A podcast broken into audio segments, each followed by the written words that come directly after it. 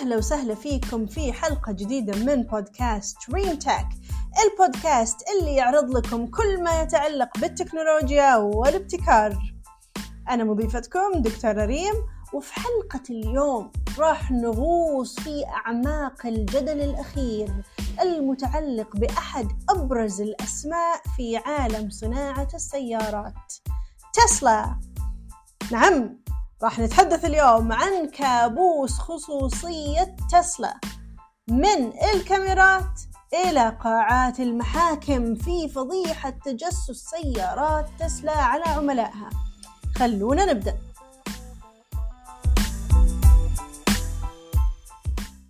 وزي ما يعرفون أصحاب سيارات تسلا سيارات تسلا تجي مزودة بكاميرات تلتقط لقطات من زوايا مختلفة حول السيارة. تستخدم هذه الكاميرات لأغراض مختلفة مثل تحسين ميزات ال autopilot أو السواق الآلي.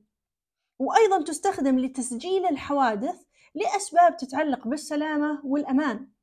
ولكن بالرغم من ذلك أثارت التقارير الأخيرة اللي نشرتها شركة رويترز مخاوف بشأن احتمال إساءة استخدام لقطات هذه الكاميرات. ومين هم الأشخاص اللي يسيئون استخدام لقطات هذه الكاميرات؟ كما يزعم هم موظفين شركة تسلا. مما أدى إلى وجود فضيحة عرفت باسم فضيحة تجسس تسلا.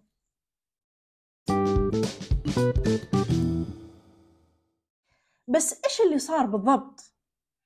للأسف الشديد كما يزعمون اتضح أن بعض موظفين شركة تسلا قد تم القبض عليهم وهم يشاركون أو يشيرون زي ما نقول بالعامية لقطات من هذه الكاميرات. بما في ذلك مقاطع فيديو لأشخاص يسوقون سيارات تسلا وأشخاص من ركاب سيارات تسلا على وسائل التواصل الاجتماعي وغيرها من المنصات الموجودة على شبكة الإنترنت. طبعا للأسف الشديد هذه الحركة أثارت غضب بشكل كبير بين مالكين سيارات تسلا والجمهور بشكل عام ليش؟ لأن هذا الشيء أثار مخاوف جدية بشأن الخصوصية حول استخدام تقنيات المراقبة في المركبات.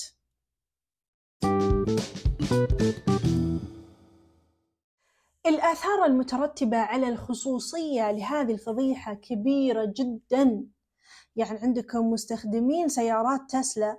افترضوا أن لقطات الكاميرات من سياراتهم راح تستخدم فقط لأغراض تحسين تجربة القيادة الخاصة فيهم وضمان سلامتهم.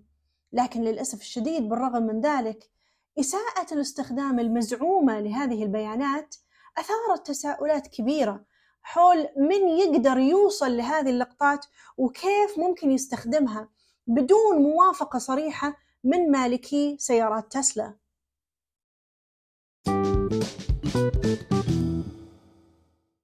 وفوق هذا كله التصور العام لشركة تسلا قد تأثر أيضا بهذه الفضيحة. يعني شركة تسلا معروفة بتقنياتها المبتكرة والمتطورة وبكونها رائدة في عالم صناعة السيارات. لكن بالرغم من ذلك هذا الحادث شوه سمعة الشركة وأيضا قوض ثقة العملاء. ليش؟ لأن الكثيرين شككوا في تدابير الأمان والخصوصية المعمول بها لبياناتهم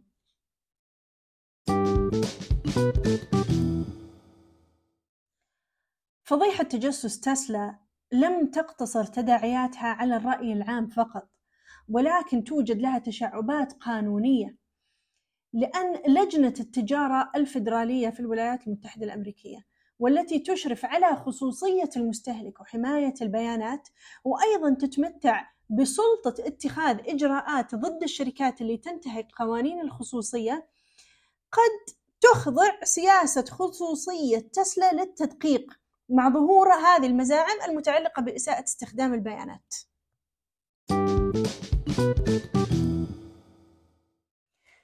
ودائما كان الافتقار إلى قوانين خصوصية البيانات الفدراليه الواضحة في الولايات المتحدة مصدر قلق بالنسبة للمستهلكين لأن حوادث مثل فضيحة تجسس تسلا سلطت الضوء على الحاجة إلى لوائح أكثر صرامة لحماية خصوصية المستهلك في عصر تقنيات السيارات المتقدمة.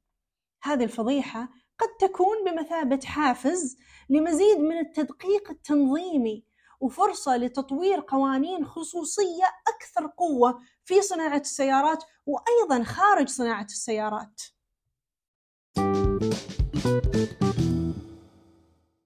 بس إيش يقدرون يسوون مالكين سيارات تسلا والمستهلكين الآخرين علشان يحمون خصوصيتهم بعد هذه الفضيحة؟ طيب خلينا نشوف بعض الخيارات.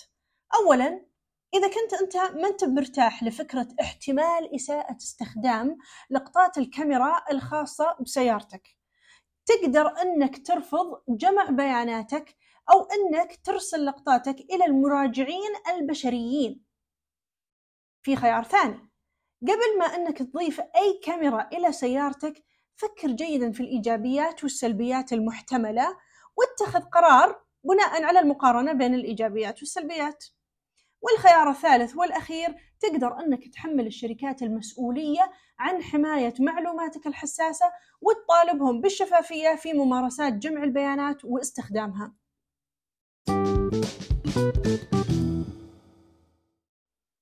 وفي الختام نحب نقول أن فضيحة تجسس تسلا أثارت مخاوف كبيرة بشأن الخصوصية والرأي العام والآثار القانونية للشركة.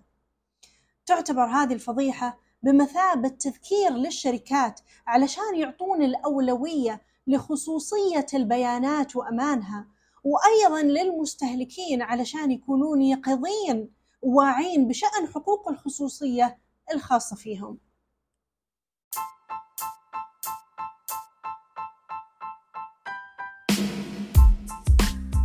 هذا كان كل شيء في حلقتنا اليوم. شكرا على حسن استماعكم.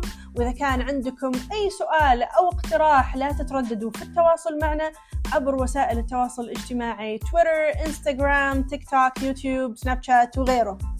نشوفكم المرة الجاية. سلام.